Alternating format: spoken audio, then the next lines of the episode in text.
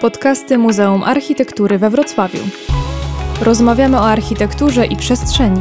Dyskutujemy na temat miast i ich problemów. Pokazujemy, jak architektura wpływa na naszą codzienność. Zastanawiamy się, jak tworzyć dobrą przestrzeń do życia. Podcastów możecie słuchać na stronie Muzeum Architektury we Wrocławiu ma.wroc.pl i na naszych profilach na Facebooku oraz Spotify. Nazywam się Mikołaj Twardowski i w tym odcinku podcastu Muzeum Architektury we Wrocławiu porozmawiam o znikającej architekturze.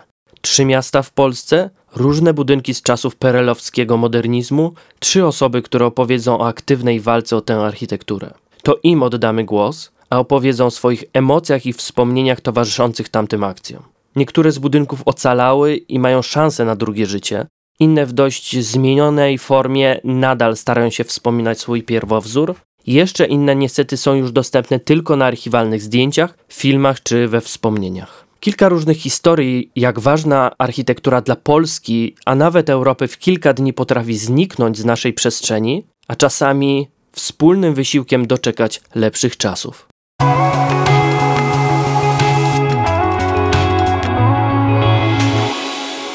Część pierwsza Katowice i Kraków.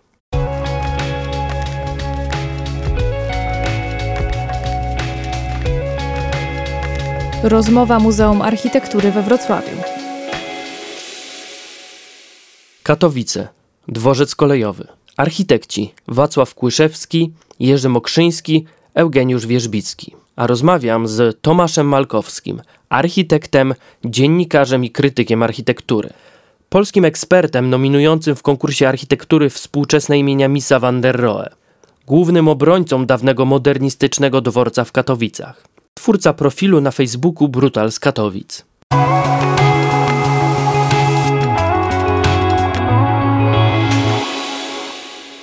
Nie mieszkasz już w Katowicach, tak jak rozmawialiśmy przed rozmową. Gdy wracasz do miasta i wysiadasz na dworcu, tym nowym dworcu PKP, jakie masz emocje z tym związane? Bo z tym poprzednim dworcem przez wiele lat byłeś na pewno emocjonalnie dość mocno związany. Tak, no, byłem związany, ta walka o dworzec trwa dobrych kilka lat, no, no, natomiast od tego czasu już minęło ponad dekada. E, co czuję? No przede wszystkim takie rozczarowanie, bo pamiętam e, ten dworzec oczywiście z czasów przedwyburzenia, to była taka prawdziwa brama do miasta. Mm, wychodziło się z tych tuneli spod peronów i wchodziło się do olbrzymiej przestrzennej hali. Ja ją często porównywałem do jakiejś gotyckiej nawy kościelnej przez te swoje sklepienia żelbetowe, Następnie się wychodziło taką kładką, tak zwaną taką estakadą, zawieszoną na tym dworcem autobusowym, więc na każdym kroku była przestrzeń, e, duża skala, taka monumentalność. Natomiast dzisiaj to nie jest dworzec, tylko taki dworczyk bardziej bym, bym to nazwał. E, jest on wciśnięty gdzieś tam e, na zapleczu mm, wielkiej galerii handlowej, więc to już nie jest mm, tego rodzaju i tej skali mm, budynek co, co kiedyś. No i tak naprawdę to już nie jest brama do miasta, to już jest bardziej wejście do galerii handlowej. No i jest to dla mnie wielka taka strata, że taka mm, architektura, no tak wybitna, brutalistyczna, ze świetną konstrukcją kielichową, została wyburzona. Mimo tego, że została odtworzona, to jednak ten nowy budynek nie wykorzystuje walorów tej konstrukcji, bo ona nawet strukturalnie jest teraz tak fałszywie przecięta gdzieś w nawet nie w połowie, w jednej trzeciej Widzimy tylko fragment tych kielichów e, od strony dworca, natomiast większość jest wtłoczona e, w tą przestrzeń galerii handlowej. Nawet tam nie gra takiej głównej roli, jest tam gdzieś tam na drugim piętrze, dopiero w jakichś sklepach odzieżowych e, można dostrzec tą konstrukcję. No więc dla mnie to jest taka wielka, wielka szkoda, że mieliśmy mm, dzieło, które było publikowane nawet w tamtych czasach, mówię o tych latach powojennych, w prasie zagranicznej, architektonicznej, że je straciliśmy no i sprowadziliśmy do takiej rangi, no, jakiegoś takiego właśnie, takiej dekoracji bardziej nawet, bo ja tego nie traktuję jako taką mm, prawdziwą, brutalistyczną architekturę, bo to jest coś odtworzonego. Dla mnie to jest trochę już coś fałszywego, bo dzisiaj, gdybyśmy mieli tych architektów znów z nami, a na myśli trzech tygrysów, czyli autorów dworca, to na pewno nie bawiliby się w odtwarzanie y, budynków z przełomu lat 60., 70., więc dla mnie to jest trochę takie też nawet kuriozum.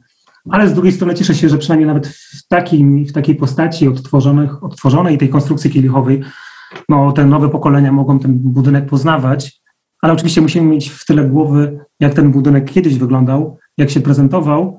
No i mam nadzieję, że to jest, to jest też taki trochę mm, taki przykład czego nie należy robić z tą architekturą powojenną. Niech to jest trochę też taki, no taki znak, e, jak, jak nie postępować, e, żebyśmy bardziej chronili to swoje dziedzictwo, bo jeśli nie my, to kto? No, nikt, nikt z zewnątrz nie przyjdzie, nie będzie e, tutaj roztaczał opieki nad naszymi obiektami, jeżeli my sami nie potrafimy o nie zadbać. Patrząc na dzisiejszy obraz Katowic, ono się bardzo modernizuje, ale patrząc na ten rejon dworca w Katowicach, ta urbanistyka tam bardzo się zmieniła i, i nie wiem, czy na korzyść. Wiesz co, ta część Katowic jest mocno dogęszczana. Ja może, mi to nawet nie przeszkadza, bo tak naprawdę jak spojrzysz sobie na zdjęcia XIX-wieczne, czy tam z początku XX wieku mm, Katowic, to to śródmieście mm, miasta zawsze było bardzo gęste. To jest właśnie zaskakujące, bo Katowice nam się kojarzą z takim młodym, przemysłowym miastem, natomiast jak ktoś przyjedzie pierwszy raz i chodzi po tych uliczkach mm, śródmiejskich, to nagle zobaczy, że one są wąskie, często właśnie jednokierunkowe i tam jest taka gęstość, no jak w tych historycznych miastach, tak? Mm, więc e, te okolice dworca teraz są dogęszczane i one nawet zachowują tą siatkę XIX-wieczną, więc dla mnie to nie jest jakaś tam porażka, Gorzej, że ta jakość tej architektury pozostawia wiele do życzenia. To są takie typowo komercyjne budynki. Ostatnio przy ulicy Młyńskiej powstał hotel, natomiast to nie jest ta architektura, z której Katowice zawsze słyną. Jakiś obiekt progresywny, mm, nowoczesny. To są już takie wtórne dla mnie obiekty. Ta walka, tak jak mówisz, była dość długa, bo jak sprawdzałam w 2006 roku, była taka pierwsza mobilizacja tych obrońców i bardzo dużo osób patrzy na, na, fakt wyburzenia, na ten punkt, od którego ta walka już traci w sumie rację bytu, jest historią, ale okazuje się, że to nie jest rodzaj takiego zainteresowania pasji, ale takiej miłości, zażyłości i po latach jakiegoś takiego, myślę, że to jest, była część Twojego życia, ta, ta walka o ten budynek czy w dniu wyburzenia dworca Katowice? Nie miałeś takiego mm, rodzaju, nie wiem, zaprzepaszczonej szansy albo po prostu rodzaju takiego zdradzenia, że część twojego życia, pasji została gdzieś bezpowrotnie utracona, może tak powiem? Raczej to traktuję w kategoriach takiej gorzkiej lekcji, mm, zetknięcia się już brutalnego z rzeczywistością. Tak naprawdę, dlaczego dworzec został wyburzony? No, bo taka była wola polityczna i taka była wola też e, biznesowa, żeby tam coś postawić, e, jakby nie patrząc na, na to dziedzictwo architektury powojennej. Ja myślę właśnie, że jeżeli biznes się na coś uwrze, jeszcze e, wejdzie w spółkę jakby z, z władzą, no to wtedy praktycznie już nie ma szans na wygranie takiej walki. Ja w pewnym momencie już zrozumiałem, że tutaj praktycznie ta, ta nasza walka jest stracona i to takie nasze ostatnie działania wokół dworca to już było takie mm, bardziej budowanie jakiejś takiej tożsamości, ale też świadomości tego, czym ta architektura była i zachowanie takich ostatnich zdjęć, takich ostatnich chwil z tym dworcem. Nawet tak jeden z naszych ostatnich działań to był konkurs fotograficzny, bo już wiedzieliśmy, że dworzec będzie wyburzony. No i chcieliśmy po prostu, żeby zachęcić ludzi, żeby fotografowali ten obiekt, bo on tylko już na zdjęciach e, mógł przetrwać. Zrobiliśmy potem taką dużą wystawę w, w Galerii Architektury Serb w Katowicach, więc chcieliśmy jeszcze te ostatnie chwile mm, z tym dworcem spędzić, ale też pokazać ludziom e, go, mm, tym, tym także niedowiarkom, którzy mówili, że to jest brzydka architektura, pokazać przez super zdjęcia wykonane przez no, ludzi, którzy mają takie bardziej czułe spojrzenie, że ten budynek naprawdę jest wartościowy. Więc to były takie nasze ostatnie jakby mm, chwile i też pożegnanie z tym budynkiem. Natomiast mieliśmy świadomość, że tutaj e, już klamka zapadła, dworzec będzie wyburzony. I tak jak powiedziałem, wola polityczna jest często ważna mm, przy takich akcjach. Jeżeli mielibyśmy po swojej stronie, nie wiem, nawet wojewódzkiego konserwatora zabytków, tutaj też często wspominam, że myśmy mm, uderzali tutaj do najwyższych władz miejskich, wojewódzkich, natomiast nie spotkaliśmy się z zrozumieniem. E, włodarze, czy to miasta, czy województwa, uważali, że tutaj ważniejsza jest inwestycja nowa. Wszyscy mówili wtedy o Euro 2012, że to może być właśnie jeden z takich kluczowych projektów. Natomiast nie zrozumieli tego, że ten dworzec, mm, ratując go, też można było go dostosować do współczesnych warunków, także ekonomicznych. Jakby zachowanie tej hali nie przeszkadzało temu, żeby obok wybudować halę, mam na myśli centrum handlowe, czyli galerię. Natomiast tutaj no niestety zabrakło tej dobrej woli ze strony i polityków, e, no i biznes jakby o tyle się do, dobrego zdarzyło w Katowicach, że nam udało się tego dewelopera niejako zmusić do tego, żeby on jednak odtworzył te kielichy więc ja to często nazywam, to jest takie nasze pyrrusowe zwycięstwo, bo z jednej strony może został wyburzony, ale z drugiej strony no, mm, jest odtworzony, tak? Ta jego główna konstrukcja kielichowa. Wiele budynków tych powojennych, które zostały w ostatnich latach wyburzone, często pojawiały się takie głosy, że, że one będą odtwarzane. Tak w Warszawie było głośno o Supersamie, była taka myśl, żeby ten budynek odtworzyć. No już minęło tyle lat, raczej się na to nie zanosi. Teraz jest duża szansa, że e, pawilon Emilii będzie odbudowany przy Pałacu Kultury i Nauki. Natomiast tutaj też jeszcze jakby czekamy, czy to się naprawdę zmaterializuje, bo na razie są tylko zapowiedzi. Mm, natomiast w Katowicach, no, miejmy też na uwadze, że mimo tego wyburzenia to jest chyba taki jedyny przykład, kiedy ta powojenna architektura mimo wszystko została odtworzona, no niestety... W takim dość szczątkowym e, zakresie, bo to chyba nie wszystkie kielichy, tam jest chyba... Nie, wszystkie, wszystkie kielichy, tylko tak, nawet jak sam mówisz, ich nie widać w całości. No, to pudło tej galerii handlowej de facto zasłania no, większej części tej struktury. Przy samym dworcu tak de facto cztery kielichy widać, a pozostałe 14 tak naprawdę jest widoczne tylko od strony wnętrza galerii handlowej i to też nie w takiej wyeksponowanej części, tylko gdzieś tam na drugim piętrze gdzie już mało kto dochodzi i tylko jakby we wnętrzach e, sklepów odzieżowych. Szkoda, że na przykład tam nie zlokalizowano e, tego food courtu. Pewnie tam też byłyby trudno, trudności, nie wiem, z wentylacją tych restauracji, natomiast to było takie prawdziwe serce wtedy tego budynku. A teraz, gdy on jest poszatkowany mm, na takie mniejsze jakieś boksy, e, butiki, no to jakby traci się ta główna myśl tego budynku. No przecież ta hala miała być właśnie halą wielkoprzestrzenną, jednoprzestrzenną, tak? Natomiast jak ona jest poszatkowana na jakieś takie małe kawałki, no to absolutnie tracimy tą jakość tej przestrzeni. Też mi się wydaje, że jednak to centrum handlowe, które zostało tam wybudowane, to jeszcze jest to myślenie o mieście jednak z tych lat dwutysięcznych, e, że ten, tak jak powiedziałeś, food court to już jest e, trochę nowsze myślenie, e, które tam przywędrowało dosłownie kilka lat temu. Ale dla mnie też ważnym punktem tego dworca katowickiego, dawnego dworca katowickiego, to było wiele opinii, że on jest po prostu brudny, że jest nieutrzymany, że ta schludność tego budynku, ona z czasem od tych lat powiedzmy 80 przez 90 aż do 2000 rzeczywiście było to miejsce niezachęcające, dość niebezpieczne, osławione złą sławą. Tak, tak, tak, no, oczywiście zgadzam się z tobą. Nie, nie, nie wiem, mm, na ile ty pamiętasz lata 80 jestem, wiesz... E... To znaczy ja bardziej ze zdjęć i wspomnień, ale pamiętam też jakieś filmy czy dokumenty, to ten dworzec daleko odchodził od tego pierwowzoru. Ja absolutnie z tobą zgadzam. Wiesz, jako dzieciak pamiętam, jak ruszałem z tego dworca na jakieś kolonie czy wakacje, no to to był obraz nędzy i rozpaczy. I pamiętam, jak wracałem potem z tych wakacji, wysiadałem na tym dworcu. Mm, początek lat 90. był tragiczny, bo tam wtedy też było dużo narkomanów, bezdomnych, e, więc tam naprawdę było strach przejść samemu przez, przez ten budynek. Ale jakby to nie jest nigdy wina architektury, tylko po prostu zaniedbania mm, gospodarza. Mnie to zaciekawiło akurat, że gospodarzem jest PKP, w jaki sposób też miasto tego terenu wokół. Czy nie widać tutaj jakby zarządca i miasto czekali trochę na powolną śmierć tego budynku, a później łatwe wyburzenie, że mieszkańcy w pewnym momencie zobaczą, że budynek jest na tyle brudny, że sami zdecydują się, że to jest jedyny dobry moment, a okazuje się, że gdzieś miasto w jakiś sposób wprowadza taką smutną politykę e, braku aktywności i, jakiegoś takiego skazania tego budynku na śmierć. Właśnie przez ten brak schludności, czy brak jakiejś dbałości nawet o, o, o taką codzienność. Wiesz co, pewnie w, w, różnych latach to była różna polityka. No myślę, w latach 90. nawet po prostu to wynikało chyba z ogólnej biedy kraju. Jak jeździłeś po Polsce, no to wszystkie dworce wyglądały tragicznie. Teraz jak w Warszawie, no to też pamiętam dworzec centralny sprzed remontu i po remoncie, dworzec wschodni sprzed remontu i po remoncie, więc większość dworców w Polsce na przełomie wieków, no to był obraz nędzy i rozpaczy. Ja nie wiem, czy to w Katowicach to była jakaś celowa polityka, żeby ten budynek doprowadzić do takiej um, śmierci technicznej, do takiej ruiny, żeby potem było go łatwiej wyburzyć. Myślę, że na początku to jeszcze nawet nikt chyba takich dalekosiężnych planów nie miał, ale potem, mm, mówię o tej pierwszej dekadzie XXI wieku, nagle pojawił się wielki biznes w Polsce, wielkie galerie handlowe, wielkie sieci i one odkryły taką żyłę złota. No po każdy dworzec to jest najlepsza lokalizacja w mieście zaczęły nagle budować galerie handlowe przy samych dworcach. Mam na myśli galeria krakowska w Krakowie, czy właśnie przy, przy dworcu w Poznaniu.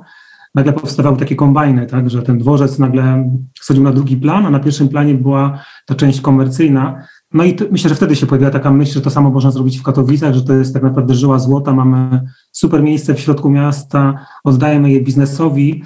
Ja nawet tutaj nie chcę mm, mówić, że politycy mieli jakieś złe zamiary. Myślę, że oni nawet po części e, może chcieli dobrze, tak? Bo myśleli, że taka komercja przyda się w środku miasta, taki handel przyda się mieszkańcom, dzięki temu będziemy mieć ładny dworzec, ale jakby oni nie mieli świadomości, tak naprawdę, że można pogodzić jedno z drugim, że to nie oznacza, że ten dworzec trzeba wyburzyć, że można go było łatwo naprawić. Sami znamy przecież XIX-wieczne kamienice, które też po 100 latach są brudne. Wystarczy je oczyścić. Tak, tak, samo, tak samo jest architekturą późnego modernizmu. Nie trzeba laski dynamitu, żeby te budynki odnowić, tylko tak naprawdę trzeba przysłowiowej gąbki e, i mydła, żeby je oczyścić I mam teraz fajny przykład z Brna czeskiego. Nie wiem, czy słyszeliście, ale ostatnio tam mm, głośna jest taka rewitalizacja dworca autobusowego. To też była taka architektura brutalistyczna, świetna zresztą. I ten budynek też miał być wyburzony. Oczywiście, że po latach był brudny, obskurny, natomiast tam taka pracownia czeska Chybik Krzysztof, zresztą bardzo dobra, polecam ją, walczyła o ten budynek, zrobiła projekt rewitalizacji, szukała pieniędzy na, na remont tego dworca autobusowego. No i on niedawno został odnowiony. No i dzisiaj ta architektura wygląda bardzo współcześnie.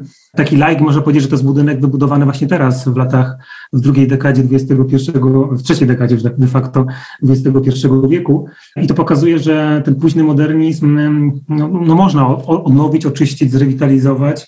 I to nie trzeba właśnie daleko tych przykładów szukać, tylko właśnie mówię tutaj w Brnie.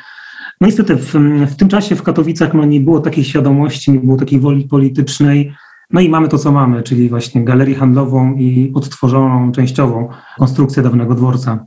Razem z e, portalem czy ruchem Brutal z Katowic, tuż przed wyburzeniem, te kilka miesięcy, tworzyliście bardzo dużo takich akcji prospołecznych dla mieszkańców, dla, dla ludzi, którzy rzeczywiście zaczęli się interesować dworcem w Katowicach. E, czy ty widziałeś taką zmianę percepcji mieszkańców, którzy kiedyś byli za wyburzeniem, a tuż przed, po rozmowach z wami, rzeczywiście zaczęli doceniać i wspominać tę architekturę lepiej? Ja myślę, że w ogóle cały ten ruch wokół dworca to było takie wielkie przebudzenie na Górnym Śląsku, w Katowicach i w ogóle w całej aglomeracji katowickiej, bo nagle o architekturze zaczęło się dyskutować. Nagle ludzie zrozumieli, że oni też ma, mają wpływ na na urbanistykę, na planowanie przestrzenne. To nie jest tak, że mm, wszystko nam z nieba spada i to włodarze miasta nam urządzają nasze właśnie miejsca do zamieszkania czy pracy, tylko my jako mieszkańcy mamy wpływ, możemy też udecydować o tym, co ma powstać jeszcze w, tym bardziej w takich kluczowych miejscach, jak właśnie jak centrum aglomeracji, centrum regionu. Ja mam nadzieję, że ta akcja nie poszła na marne, bo od tego czasu powstało wiele stowarzyszeń właśnie w Katowicach i, i w okolicach Katowic, bo nie możemy mówić, że Śląsk tylko Katowice, tam wiesz, to jest cała konurbacja miasta obok miasta e, i od tego momentu mm, wiele tych stowarzyszeń, które nawet wtedy powstały, do dzisiaj e, czynnie, aktywnie działa. O architekturze się często dyskutuje i ja myślę, że dzisiaj już taka sytuacja by się nie powtórzyła na Śląsku. Mam nadzieję, że, że jesteśmy o tyle mądrzejsi mm, i też jako obywatele jesteśmy silniejsi, bardziej zorganizowani. Z taką siłą naszą już by się bardziej liczono i takich zakusów na taką powojenną architekturę już w Katowicach myślę, że już nie było. Jeżeli znowu byłby taki pomysł, żeby budynek takiej skali właśnie, powiedzmy jak spodek nawet ktoś by chciał wyburzyć, no to byłyby raczej takie protesty, że nie wyobrażam sobie, że coś takiego mogłoby się już powtórzyć. Więc ja mam nadzieję, że mm, cała ta sytuacja była takim motorem dobrych zmian mm, właśnie społecznych, żeby o tej architekturze rozmawiać, dyskutować i się nią w końcu zacząć interesować. Mm, nie tylko właśnie interesować się tym, że powstaje jakiś fajny budynek, ale też krytycznie patrząc na to, co się dzieje wokół naszych miast, czy one są dobrze przebudowywane, czy są dobrze rewitalizowane, czy nie następuje jakaś betonoza jakichś rynków, gdzie są właśnie wycinane drzewa i zalewane są betonem. Ja myślę, że to był taki fajny moment, mm, kiedy my zaczęliśmy taką pracę podstaw wykonaliśmy. Ja mówię my, bo to wśród naszych obrońców było też wielu przedstawicieli środowiska akademickiego, to Irma Kozina z Uniwersytetu Śląskiego, Ryszard Nakonieczny z Politechniki Śląskiej, wielu architektów. I my taką pracą trochę u podstaw, mam nadzieję, że trochę dokonaliśmy takiej zmiany myślenia, że teraz mieszkańcy jednak takim czulszym okiem patrzą na to, na to swoje otoczenie i bardziej się nim interesują. Mam nadzieję, że to jednak się zmieniło dzięki tej akcji wokół dworca. Jak ty wracasz wspomnieniami do tamtej wizji dworca w Katowicach, jaka była wtedy twoja wizja na ten budynek? Jak ty byś chciał, żeby on wyglądał? Jaką miał jakość i co zachowywał? Wiesz co, jakby mm, takich pomysłów było kilka. Mm, ja nawet pisząc te e, artykuły do Gazety Wyborczej w Katowicach podawałem przykłady mm, właśnie takich powojennych budynków, które wystarczy odnowić, oczyścić. E, pamiętam, że cytowałem wtedy artykuł z architektury Murator. Tam był taki wielki artykuł pokazujący powojenną architekturę Katowic, oczyszczoną za pomocą oczywiście komputera i Photoshopa, e, że te budynki nagle odzyskują blask. I to taka najprostsza wizja e, dla dworca katowickiego, po prostu go oczyśćmy. Oczyśćmy kielichy z brudu, e, tą przestrzeń w środku z tych, z tych budek, które można jakoś ucywilizować. I na przykład dworzec centralny w Katowicach jest takim przykładem, że nie trzeba jakichś wielkich rewolucji, żeby mm, tego typu architektura uzyskała swój blask. Tam przed Euro 2012 no, dokonam takich kosmetycznych mm, napraw, No i nagle ta architektura odzyskała ten właśnie dawny blask i ludzie mówią, wow, dworzec centralny to naprawdę ciekawa, piękna architektura. I tak samo wystarczyło postąpić mm, z dworcem katowickim. Oczywiście rozumiem też, jakie mamy mm, czasy, e, w jakiej rzeczywistości gospodarczej żyjemy, kapitalizmu, e, że taka wielka działka w centrum miasta, no aż woła o to, żeby ją sprzedać deweloperowi, zrobić tam galerię handlową. I myślę, że dalej dałoby się pogodzić zachowanie dworca z budową galerii, bo wyrokiem śmierci dla dworca było poprowadzenie podziemnej drogi dworcowej pod tym dworcem. Łatwiej oczywiście wyburzyć dworzec, zrobić podziemny tunel i na jego miejscu wybudować na nowo to, zrekonstruować takie lichy. Natomiast to się wszystko, myślę, dałoby pogodzić, mm, przesuwając to, ten ślad tej drogi dworcowej, no nie pod samym dworcem zabytkowym, tylko właśnie w innym miejscu, w miejscu placu, gdzie powstała galeria handlowa. E, natomiast no, zabrakło po prostu dobrej woli. Na pewno też nie byłbym takim fanem, żeby robić z dworca muzeum, bo też takie pomysły były, zróbmy tam muzeum modernizmu, zróbmy muzeum miasta. Często ja uważam, że takie pomysły, e, żeby ratować jakiś budynek, robić z niego muzeum, no to to jest droga donikąd, no bo nagle byśmy byli otoczeni setkami muzeów. E, ja uważam, że ten budynek mm, każdy budynek, żeby przetrwał, no najlepiej, żeby miał jakąś mocną funkcję, to najlepiej taką swoją funkcję, w jakiej został zaprojektowany. No ten dworzec świetnie funkcjonował jako dworzec, więc on najlepiej by się dalej sprawdzał jako dworzec. Wciskanie tam innej funkcji e, no już nie byłoby takie łatwe, niekoniecznie by tak dobrze zadziałało, więc mm, na pewno nie, nigdzie, nigdy nie, nie snułem takiej wizji, zróbmy z tego dworca muzeum. To miał być absolutnie dalej budynek służący po prostu miastu właśnie e, w sensie takim komunikacyjnego, takiego głównego węzła e, dla Katowic jak teraz patrzysz z dystansu tych, no myślę, że 15 lat od tych pierwszych informacji o chęci wyburzenia, co jest dla ciebie taką, myślę, że osobistą, największą wartością, ideą, którą wyniosłeś z, z czasów tamtej akcji, tamtej walki o dworzec w Katowicach? Mm, myślę, że najważniejsza taka moja refleksja to, jak ważna jest edukacja, bo jak mamy świadome społeczeństwo, no to nie da mu się wcisnąć byle czego, byle jakiej architektury, byle jakiej inwestycji. Ja myślę, że od tamtej pory no, zajmuję się tak naprawdę zawodowo popularyzacją i architektury, i urbanistyki.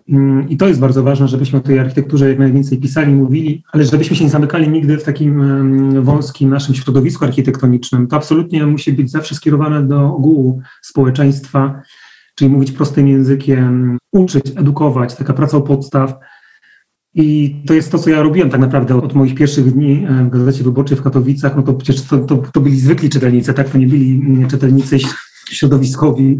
E, po części oczywiście architekci też pewnie czytają Gazetę Wyborczą, ale ja się wtedy nauczyłem mm, pisać o architekturze takim przystępnym językiem i mam nadzieję, że robię to do dzisiaj i to jest chyba taka największa refleksja. No, musimy o tej architekturze jak najwięcej mówić, e, pojawiać się nawet w telewizjach śniadaniowych, żeby Polaków uczulić na to i też, żeby zrozumieli, że oni też mają wpływ, mogą współdecydować o, o kształcie swoich miast, muszą się interesować planami miejscowymi, jeżeli są one wykładane e, do wyglądu publicznego, żeby zgłaszać swoje uwagi, e, że jak są budżety obywatelskie, żeby rzucać pomysłami takimi sensownymi, realnymi, to odpowiadają na ich potrzeby lokalne.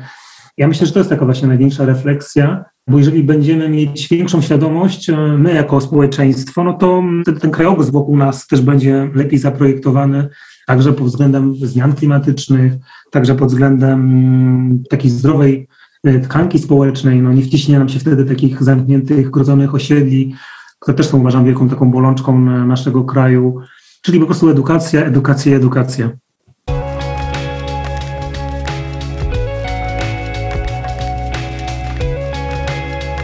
Rozmowa Muzeum Architektury we Wrocławiu. Kraków. Hotel Krakowia. Architekci. Witold Cęckiewicz.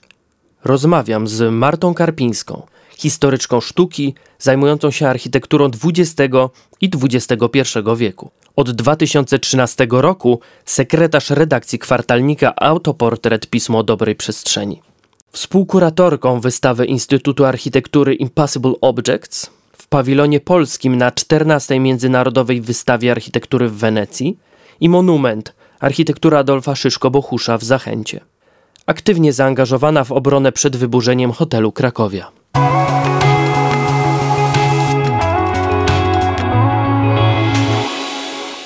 Pierwsze pytanie jest takie bardzo pozytywne, jak na rozmowy, które udało mi się odbyć. Masz ogromne szczęście, bo nie wszystkie budynki w Polsce mają tak pozytywny finał walki o nie, mimo że jeszcze w pełni niezrealizowana jest ta walka, to wydaje się, jakby była to tylko kwestia dosłownie kilku lat. Jakie to uczucie, gdy czujesz, że obieg, o który walczyłaś, będzie w końcu bezpieczny?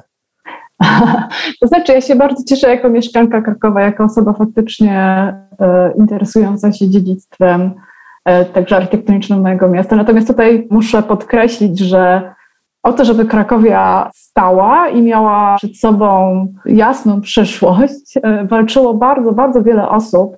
E, ja tutaj mówię jako przedstawicielka Instytutu Architektury, Fundacji działającej w Krakowie, czy badaczka zajmująca się generalnie przestrzenią.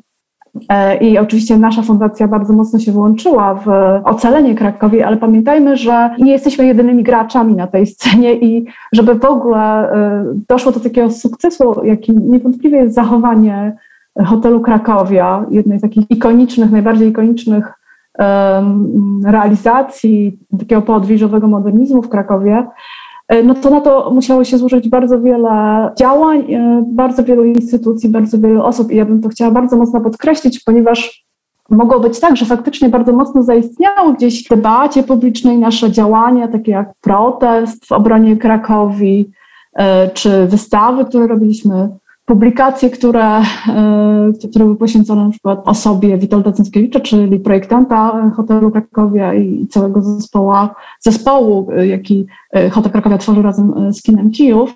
Ale myślę, że konieczne jest podkreślenie, że jeżeli byśmy na przykład wrócili do, do tego, jak to się w ogóle odbyło, to zobaczylibyśmy, ile za tym stoi wysiłku i procedur, i takiej e, zupełnie mm, mrówczej roboty, której nie widać, która jest kompletnie niewidowiskowa. To jest pisanie jakichś wniosków, e, to jest pisanie jakichś podań, ekspertyz, ogromna wiedza, ogromny wysiłek taki zupełnie biurokratyczny. No właśnie też dlatego rozmawiamy z aktywistami, z ludźmi, którzy walczyli o, o budynki. Mimo takiej, myślę, że wolontariackiego gdzieś charakteru takiej pracy, to, to jest to, tak jak mówisz, ogromne poświęcenie czasu, emocji, życia, taka trochę myślę, że miłość do i pasja. Walka Dawida z Goliatem i chyba nie wszyscy dostrzegają taki ludzki, indywidualny wymiar tej walki, że to jest po prostu bardzo ciężka, żmudna, a często niewymierna i niestety nienagradzana na końcu praca. To znaczy, tak, tak, y, to, to, i tak i nie, dlatego że ja tutaj może nie, nie podkreśliłam tego do końca, że, że tutaj mówimy nie tylko o wysiłku aktywistów czy, czy jakichś osób mocno zaangażowanych, które faktycznie, tak jak my po, po, po godzinach, e, bardzo się mocno angażowały w te, te działania, mm, chociażby wokół debaty wokół Krakowi, ale ja mówię także o instytucjach, to znaczy, może podam taki przykład, żeby to było jaśniejsze. Na początku 2011 roku wiadomo było, że e, hotel Krakowia trafi w ręce inwestora, Echo Investment, duża firma budowlana, która jest jednym z największych deweloperów działających na terenie Polski. I firma jakoś tak dosyć niefrasobliwie od razu się pochwaliła, że, że kupiła ten hotel i chce go zburzyć i, i, i w tym miejscu ma stanąć galeria handlowa. I pierwszymi instytucjami, które na to zareagowały, no były służby konserwatorskie lokalne. To znaczy już parę tygodni po zakupie przez e, dewelopera e, hotelu Krakowia od, od przedsiębiorstwa w likwidacji Orbis, lokalne służby konserwatorskie i miejski konserwator i wojewódzki konserwator podjęli działania, żeby hotel Krakowia, czy cały zespół hotelu Krakowia Kina Kijów wpisać do gminnej ewidencji zabytków. I to w ogóle, to działanie y, oczywiście nie chroniło tego budynku w całości przed y, wyburzeniem, ale w jakiś sposób ograniczało działania właściciela, inwestora, i nakładało na niego pewne y, ograniczenia, takie, że na przykład no, nie mógł podejmować pewnych działań albo musiał szanować strukturę tego budynku w odniesieniu do planu y, miejscowego, którego wówczas jeszcze nie było. Te, te obszar, na którym stoi y, kompleks hotelu Krakowia i, i kina Kijów, nie był wtedy jeszcze objęty planem.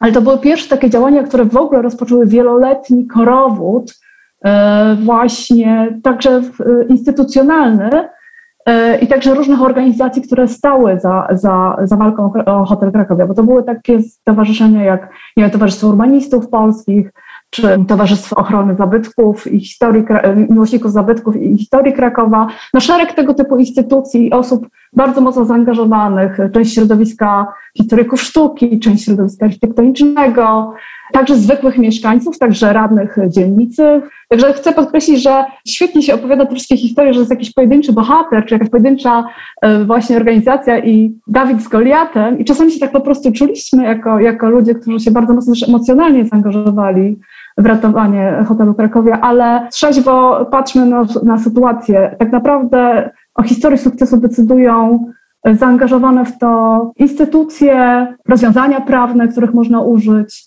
dobra wola czasem polityczna, a także, także dosyć mocny opór mieszkańców. Także to jest duży zbiorowy wysiłek i i myślę, że bardzo ważną kwestią są protesty społeczne na przykład, dlatego że one zawsze są takim sygnałem na przykład dla decydentów w mieście, żeby się na przykład zastanowić albo coś wstrzymać, bo może być jakiś problem, bo, bo ludziom się to nie podoba. I wszędzie tam, gdzie ludziom jest to obojętne i nie ma w ogóle oporu, to wtedy decydenci są z kolei bardziej skłonni sprzyjać jakimś naciskowi inwestorskiemu i tak dalej. A tutaj był dosyć duży opór od samego początku i tak jak mówię, środowisk eksperckich związanych właśnie czy z ochroną zabytków, czy rozumiejących znaczenie tego, tych budynków, tego kompleksu dla, dla, dla miasta, czy samych mieszkańców. Właśnie lokalizacja budynku wydaje się być jego największym atutem. Bliskość Muzeum Narodowego mm. w Krakowie i w jaki sposób dzięki niemu ten budynek nie został wyburzony. To też taka bardzo osobista walka o ten zabytek profesora Andrzeja Szczerskiego, obecnego dyrektora Muzeum Narodowego w Krakowie i w tym hotelu, e, w tym budynku ma powstać Centrum Architektury i Designu jako oddział tego muzeum. Czy według Ciebie okazuje się, że to, to jest najlepszy scenariusz dla tego budynku? Ja myślę, że, że w ogóle tak, to znaczy myślę, że, że bardzo się cieszę, że, że przede wszystkim Krakowia jest w rękach e, nas wszystkich, bo została zakupiona przez Skarb Państwa, czyli należy do nas, do podatników, a e, faktycznie mm, zarządza e, budynkiem Krakowi, obecnym faktycznie oddziałem Muzeum Narodowego w Krakowie właśnie nasza szacowna instytucja, y, Muzeum Narodowe w Krakowie. I ja osobiście bardzo się cieszę, że, że tam powstanie tego typu y, instytucja, zresztą konkurencja dla Muzeum Architektury we Wrocławiu, ale myślę, że, że wszyscy się cieszymy, że takie instytucje też powstają. I bardzo jestem w ogóle ciekawa, jak, jak to będzie wyglądać, jak będzie wyglądał program, jak zostaną rozwiązane kwestie e, remontowe. Myślę, że to już temat na osobny, fascynujący e, faktycznie podcast czy, czy rozmowę z e, Andrzejem Szczerskim.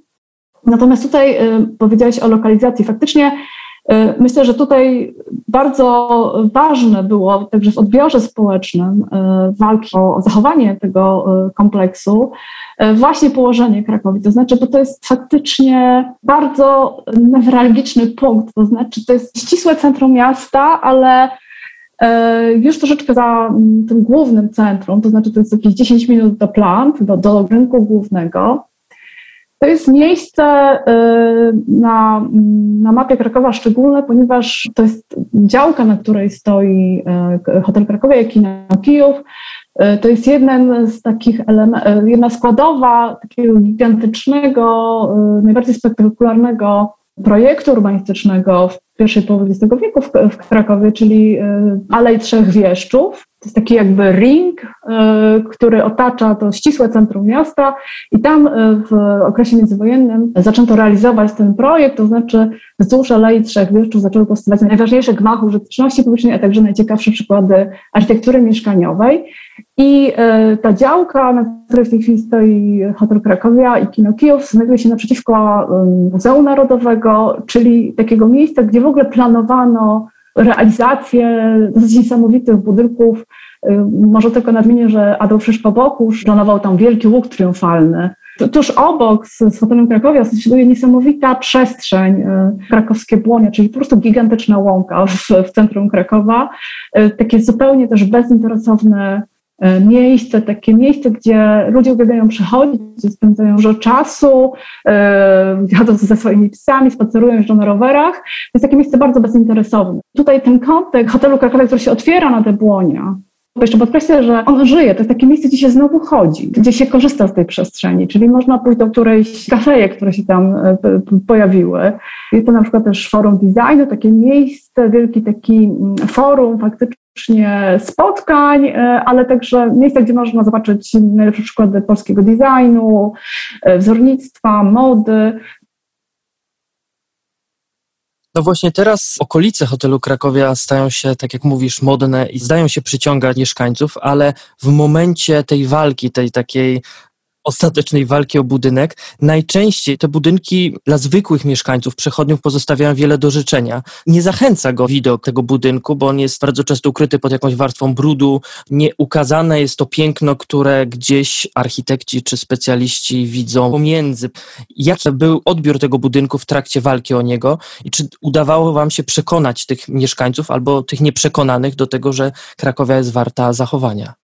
To znaczy, y, y, oczywiście masz absolutną rację, że to dziedzictwo modernizmu ono często jest trudne i nie zawsze zrozumiałe. I z Krakowią jest tak, że ono w ciągu, no Krakowia za, za 4 lata skończy 60 lat, że w końcu tych 6 dekad swojego istnienia ono przechodziło przez różne fazy i takie momenty różnego stosunku mieszkańców do tego budynku. Tak jak mówię, że w tej chwili Krakowia znowu funkcjonuje znowu jest takim miejscem, które żyje i funkcjonuje i ludzie z niego po prostu korzystają. To, co jakby stanowiło o sile tego protestu, to też to, że na pewno ludziom się nie podobało, że w tym miejscu ma stanąć po prostu galeria handlowa, która zniszczy taki bezinteresowny charakter tego miejsca. Wtedy to y, sama Krakowia jeszcze wtedy nie żyła jak w tej chwili. Była często obwieszona w ogóle banerami reklamowymi, no bo to jest też y, częsty los budynków, które są wyłączone nagle z użytku i czeka się jakiś na, na, na moment rozwinięcia. Ale od, od paru lat na szczęście Krakowa jest traktowana bardzo poważnie jako, jako faktycznie element krakowskiego dziedzictwa i, i, już nie ma tych płacht reklamowych, które były faktycznie zmorą jeżeli pytasz mnie o ten stosunek mieszkańców i, i przekonywanie ich do tego, ja myślę, że, że, że najpierw była taka, kiedy Krakowia powstawała w połowie lat 60., to, była, to był taki efekt wow, to znaczy to był faktycznie jakby fragment zachodu przeniesiony do Krakowa. On był tak nowoczesny, to był jeden z najnowocześniejszych hoteli w Krakowie. On po prostu błyszczał nowością. Wyglądał naprawdę spektakularnie. Był przepięknie oświetlony, wyposażony w najpiękniejsze y, mozaiki, wspaniałe wzornictwo, tam znajdowały się też świetne lokale, restauracje, kafejki, księgarnie. Był taką dumą Krakowa i faktycznie w pierwszych latach Krakowa, czy w tej pierwszej dekadzie on też służył mieszkańcom, to znaczy to był taki element e, właśnie niedzieli, że się szło na obiad do Krakowa, na jakiegoś dewołaja, a potem na spacer na kupiec Kościuszki na przykład. I potem w latach 70. to się troszkę zmieniło, ponieważ zmieniły się też e, okoliczności ekonomiczne, to znaczy e, te wszystkie hotele, które zaczęły powstawać e, od lat 60., latach 70., w skali całej polskiej, one zaczęły służyć pozyskiwaniu dewiz przez państwo polskie. I w związku z tym one się stały po prostu niedostępne cenowo dla zwykłych ludzi. I, i, i w pewnym momencie jakoś tak od końca lat 70., poprzez dekadę lat 80., e, Krakowia zaczęła powoli, tak jak wiele tego typu miejsc, zamieniać się w taką wyspę luksusu, zupełnie niedostępną. To, była, to był hotel dla cudzoziemców, on został jakoś skolonizowany przez e, cinkciarzy, e, nie wiem, prostytutki. E, naprawdę stał się takim miejscem mm, w latach 80., po prostu gdzie się po prostu nie chodziło, omijało się je szerokim łukiem. David Crowley, który jest takim znakomitym badaczem architektury modernizmu w Europie Środkowo-Wschodniej, on wtedy studiował w Krakowie akurat i, i opowiadał nam, że, że w nim hotel Krakowia w latach 80. po prostu budził od razu. Tam się po prostu nie, nie pojawiał. Tam się pojawiało jakieś szemrane towarzystwo i tam się po prostu nie chodziło. Z kolei po przełomie, po 89 roku hotel zaczął podupadać i zaczął się kojarzyć z jakimś takim szarym dziedzictwem PRL. Zresztą w tych latach to w ogóle bardzo często funkcjonowało, że to jest szara PRL-owska buda, prawda? Musiało pojawić się kilka dopiero wydawnictw, jakiś szum wokół tego postać, musiały powstać takie organizacje jak na przykład nasza, promująca e, wiedzę o modernizmie, żeby, żeby ludzie zaczęli troszeczkę inaczej e, postrzegać to dziedzictwo. A dzisiaj myślę, że y, patrzy się na Krakowie, znaczy większość mieszkańców patrzy właśnie jako taki już element y, pejzażu, który ma już swoje miejsce w historii miasta. I muszę powiedzieć, że to prawda, że wiele tych y, budynków z tego okresu jest bardzo mocno zdegradowanych, czy właśnie, tak jak wcześniej mówiłam, pokrytych jakimiś płachtami reklamowymi, ale Myślę, że potem można poznać klasę tej architektury, że ona świetnie po prostu wygląda teraz, mimo że w 80% jest pustostanem. Znaczy jest zajęta, czy funkcjonuje jako tako tylko ta e, część parterowa, tak jak mówiłam, tam działają różne e, fajne miejsca. Natomiast ta ściana kurtynowa, pierwsza ściana kurtynowa w ogóle w Krakowie, z takim układem szachownicowym okien i tych elementów aluminiowych, balkonów, które tworzą właśnie taki układ szachownicy, on wygląda po prostu znakomicie. Krakowie wygląda świetnie o każdej porze dnia i w różnych porach roku, na przykład wspaniale się odbija zachodzące słońce. Ona po prostu gra tą swoją bryłą. To jest po prostu świetna, świetna architektura i, i ona się broni, nawet będąc w takim stanie jak w tej chwili. To znaczy, ta bryła wygląda świetnie z różnych perspektyw. Pamiętajmy, że Witold Cęckiewicz jest znakomitym urbanistą. On rozumie, jak funkcjonują bryły w mieście, więc jeżeli się stoi na końcu błoń i patrzy się tak z odległości, nie wiem, 800 metrów w kierunku Krakowi, to ona wygląda w ogóle jak jakiś taki statek e, z tą, z tą piękną szachnicową e, elewacją. A poza tym w tej chwili ona jest takim, jak mówię, modnym miejscem. Ludzie się już przyzwyczaili do tego sznytu takich e, miejsc modernistycznych. Architektura modernistyczna Europy Wschodniej, ona Popatrzmy, że jak się zmieniło jej postrzeganie. Powstały też takie międzynarodowe różne projekty, które słabią jakoś to dziedzictwo tego bloku wschodniego, prawda? To jest taka estetyka, która się pojawiła w teledyskach. Myślę, że taki serial jak Czernobyl bardzo dużo zrobił dla jakiegoś takiego postrzegania. Bardzo popularne lokacje w wielu serialach i w Polsce i... Oczywiście, oczywiście, że zupełnie się zmieniło odbiór tej architektury i oczywiście jak mówimy o tych debatach, które miały miejsce ledwie parę lat temu, kiedy się tam jeszcze faktycznie walczyliśmy o Krakowie, to wtedy faktycznie takie argumenty funkcjonowały, ale teraz naprawdę ta architektura jest zupełnie inaczej postrzegana i raczej ma dosyć dobry odbiór, a zwłaszcza jeżeli to są takie budynki tak znaczące, jak właśnie kompleks hotelu Krakowia i kina Kijów. Wspominam to, że kino Kijów, które działa nieprzerwanie od 1967 roku, jest po prostu ulubionym kinem krakowian. Ja na przykład zawsze, jak idę do kina, to po prostu przychodzę 10 minut wcześniej, żeby sobie popatrzeć na przepiękną, monumentalną mozaikę autorstwa Krystyny Zgód-Strachockiej, która no, stanowi takie wypełnienie tego wnętrza spektakularne, które też widać przez, przez całą przeszklą elewację. Także myślę, że tutaj już jest dużo takich e, czynników, które wpłynęły na to, że ta architektura jest zupełnie, zupełnie inaczej postrzegana. I, myślę, że teraz w głowie się nie mieści, że realne było jeszcze 6-7 lat temu, że przyjadą buldożery i po prostu Krakowia zniknie. To, to, to, było jeszcze, to był całkiem realny scenariusz jeszcze 7 lat temu, no ale na szczęście od końca 2016 roku y, Krakowia już jest chroniona y, i prawnie i jest już pod opieką takiej instytucji jak Muzeum Narodowe w Krakowie. 2016 rok budynek został odkupiony przez Skarb Państwa dla Muzeum Narodowego w Krakowie. Z drugiej strony, patrząc na prywatnych inwestorów, mało jest udanych i w pełni, nazwijmy to, szanujących rewitalizacji. Czy według Ciebie jedynym mecenasem dla takich zapomnianych niedocenianych budynków to państwo, czy może to jest kwestia jakiejś perspektywy inwestorów prywatnych, którzy może za chwilę przyjdą i zaczną w pełni doceniać tą nietuzinkową architekturę? To znaczy, ja zawsze uważam, że, że to, co jest jakimś takim dobrem wspólnym, czyli także dziedzictwo architektoniczne, zabytki, to zawsze powinniśmy dbać o to jako społeczeństwo. Nawet jeżeli przekazujemy te budynki w, w ręce prywatne, to, to myślę, że państwo czy instytucje publiczne po prostu powinny wspierać ludzi, inwestorów prywatnych, na przykład w utrzymaniu y, tych budynków w, w dobrym stanie. I myślę, że można już całkiem dużo takich projektów wskazać, y, gdzie, gdzie jest jakaś dobra kooperacja pomiędzy instytucjami mm, prywatnymi i publicznymi. Chodzi mi generalnie o to, że powinniśmy Pamiętam już takie dyskusje o tym, że jak ludzie sobie mogą stawiać plastikowe okna, nie? W pięknych, e, modernistycznych kamienicach, czy w pięknych XIX-wiecznych kamienicach. A ja myślę sobie, no matko jedyna, ci ludzie mają tam zimno, nie? To znaczy oni naprawdę potrzebują jakoś zadbać o swój też komfort ciepły i rachunki i tak dalej. Natomiast jakby zadaniem instytucji publicznych i nas jako y, społeczeństwa jest wspieranie ich w tym, żeby mogli to zrobić w taki sposób, żeby nie niszczyć nie, tej struktury. I że raczej zamiast tutaj narzekać, że ludzie nie rozumieją, trzymają do czynienia, to raczej powinniśmy, że te wszystkie instytucje powinny ochraniać w taki sposób te, te, budynki, żeby faktycznie umożliwiać dbanie y, także inwestorom prywatnym o to i przede wszystkim także pilnować y, też tego, żeby najbardziej wartościowe obiekty nie znikały, nie były niszczone bezpowrotnie. Ja myślę, że to jeszcze jest dodatkowy ważny aspekt, bo to już nie chodzi tylko o to, żeby to było przepięknie wszystko y, odnowione, ale tutaj y, i to nas też jako badaczy architektury bardzo interesuje, że trzeba brać pod uwagę przy odnawianiu czy ratowaniu tego dziedzictwa no, różne aspekty tak jak postrzegam nasze podejście do tych e, kwestii, jak ono się zmieniało czy ewoluowało na przestrzeni lat, to oczywiście zawsze bierzemy pod uwagę, że to jest dziedzictwo architektury, że, że warto chronić pewne formy, które są w jakiś sposób unikalne, ale teraz do tego doszła taka świadomość, myślę, bardzo mocno obecna także w naszych zainteresowaniach, e, czyli katastrofy klimatycznej. No myślę, że,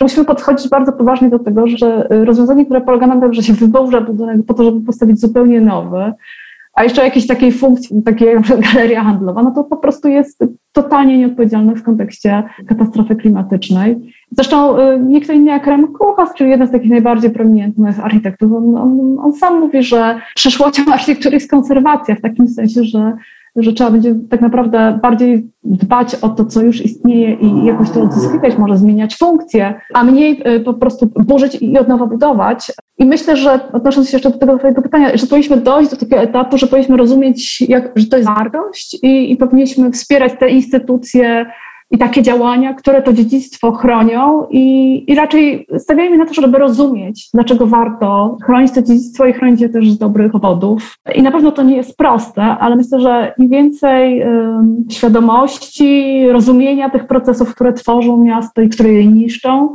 tym lepiej dla tego, w jaki sposób będziemy dbać nasze miasta. W wielu miastach trwa walka o lokalne zabytki, o te, którą nagłą decyzją władz lokalnych inwestorów zostały skazane na, na zniszczenie, na wyburzenie. Wasze zaangażowanie, wasza walka o Krakowie zakończyła się sukcesem. I na sam koniec jakieś rady, czy masz może dobre słowo dla tych aktywistów, którzy walczą albo planują walkę o, o te swoje lokalne zabytki? Hmm. Hmm. To znaczy, myślę, że na pewno powinniśmy się wspierać i rozumieć, że to jest wysiłek zbiorowy. I tak jak mówię, myśmy się często opierali, czy wspieraliśmy działania ekspertów, którzy byli w stanie na przykład przygotować wielki raport dla e, instytucji, która się zajmuje, na przykład dla, Narodowego Instytutu Dziedzictwa, albo wesprzeć jakąś petycję, ale e, część osób angażowała się na przykład w pilnowanie, żeby plan miejscowy był uchwalony zgodnie z wytycznymi konserwatorskimi i tak dalej. Myślę, że tu trzeba myśleć o, o, o różnych e, kompetencjach, po prostu łączyć się w wysiłku, szukać koalicji, nie podchodzi do tego tak, że my tutaj jako bohaterowie pojedynczy coś zrobimy, bo e, pojedynczo to się nie da, naprawdę. To znaczy, można po prostu się ewentualnie załamać. Mieliśmy takie momenty, kiedy e, kiedy myśleliśmy, że po prostu trzeba to wszystko już rzucić, dać sobie spokój i jesteśmy po prostu tylko małym NGO-sem. Ale tak jak patrzę w tej chwili z perspektywy na to wszystko, to myślę, że, że tak, że, że powinniśmy szukać koalicjantów, koalicji i współprac, które pomogą w ratowaniu tego typu dziedzictwa. No myśmy też postawili na nasze własne kompetencje, bo Naszą rolą w walce o, o, o Krakowie i zrozumienie tego budynku, zrozumienie tego miejsca, zrozumienie kontekstu społecznego, ekonomicznego, historycznego, którego tworzył, to było po prostu zrobienie porządnej, wspaniałej wystawy, którą e, zrobiliśmy właśnie w Krakowie już po tym, jak e, Muzeum Narodowe nabyło ten budynek. To była wystawa Odwilż 56, Krakowia 65, architektura Witolda Cęckiewicza. Bohaterami tej wystawy była sama Krakowia, przestrzeń Krakowi. Drugim bohaterem był oczywiście sam Witold Cęckiewicz, jego architektura. No i trzecim takie zjawisko polityczne jak Odwilż. E, więc to była wystawa. My także wydaliśmy dwutomową monografię Witolda Cęckiewicza, wywiad rzekę z nim, zrobiliśmy jakby dokumentację jego dokonań, czyli podkreśliliśmy wagę jego dokonań. Krótko mówiąc, nasza walka polega nie tylko na tym, że, że protestowaliśmy czy działaliśmy w ten sposób, ale także wykorzystywaliśmy nasze własne kompetencje, a także wspieraliśmy tych wszystkich innych działaczy czy aktywistów, którzy mieli inne kompetencje. Moją radą jest po prostu szukanie sprzymierzeńców i takich zespołów, które mogą razem e, zawalczyć o, o to dobro. Ja tylko może jeszcze wspomnę, bo, bo, nie mówiłam o tym, że, że takim przykładem takich działań koalicyjnych był taki gigantyczny protest tak jak mówiłam, protesty są bardzo ważne, bo one e, zakorzeniają się jako świadomości decydentów i na przykład spowalniają pewne procesy, które mogłyby się już odbyć. Nie? Wtedy urzędnicy się zastanowią, zanim tam dadzą blade jakiemuś deweloperowi.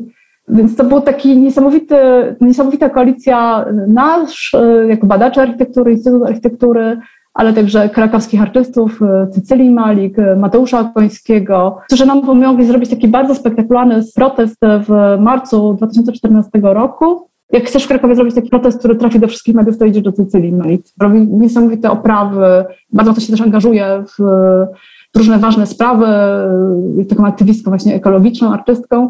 I wtedy oni wymyślili, że w całym tym y, sporze o Krakowie chodzi tak naprawdę o chciwość i pieniądze. I że, że musimy po prostu obśmiać tą chciwość. Oni wymyślili, że trzeba się przebrać na złoto, wstawić sobie złote zęby, pójść do sobą peksą, kupować jakichś ciuchów z cekinami Pamiętam, że wykupiliśmy w aptece cały zapas takich folii termicznych, wszyscy się tym owinęliśmy. Cecylia skąd skombinowała zestaw wózków sklepowych, skądś wydobyła taką krowę z reklamy czekolady Milka, którą pomalowaliśmy na złoto i poważny doktor Michał Wiśniewski, mój kolega z Instytutu Architektury, pchał tą krowę, e, symbol złotego cielca, symbol chciwości na wózku sklepowym. I to nie była jakaś największa demonstracja, jaką świat widział. Nas tam było może z 200, z 300 osób, ale byliśmy tak spektakularni w tym złocie. Jeszcze akurat wyszło słońce, że wszyscy fotoreporterzy fotoreporterzy z Krakowa i także z mediów e, ogólnopolskich przyszli nas sfotografować i bardzo się głośno o tym zrobiło. I do dzisiaj gdzieś te zdjęcia z tego procesu funkcjonują i są takim symbolem walki o ten budynek, ale tak jak mówię, na to się złożył wysiłek wieloletni różnych instytucji, różnych osób, zaangażowanie, wiedza i tak jak mówię, wysiłek zbiorowy. I, i myślę, że moja rada jest taka, twórzcie koalicję i szukajcie sprzymierzeńców. Pojedynka się nie da. To, to fajnie brzmi ten e, mit o, o Goliacie i Dawidzie, ale żeby być naprawdę silnym Dawidem, to trzeba tworzyć koalicję, która jest silna właśnie różnymi kompetencjami. To jest moja rada.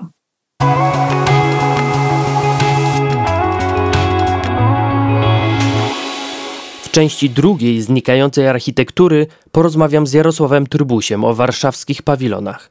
Supersamie, pawilonie chemii i pawilonie Emilia. Do usłyszenia.